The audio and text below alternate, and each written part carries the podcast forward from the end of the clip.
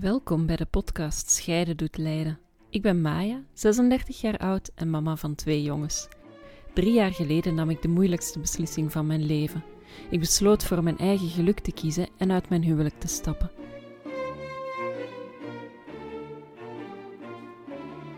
In de afgelopen jaren als single mama heb ik heel veel geleerd.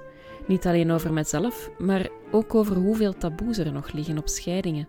Over daten wanneer je uit een lange relatie komt en over wat voor moeilijk maar ook mooi traject het is om een scheiding te verwerken.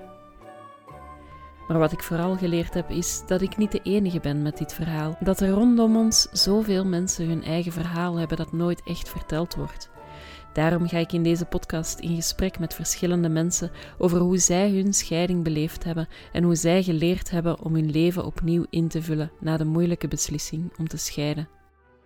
Want scheiden, dat doet je een nieuw leven leiden.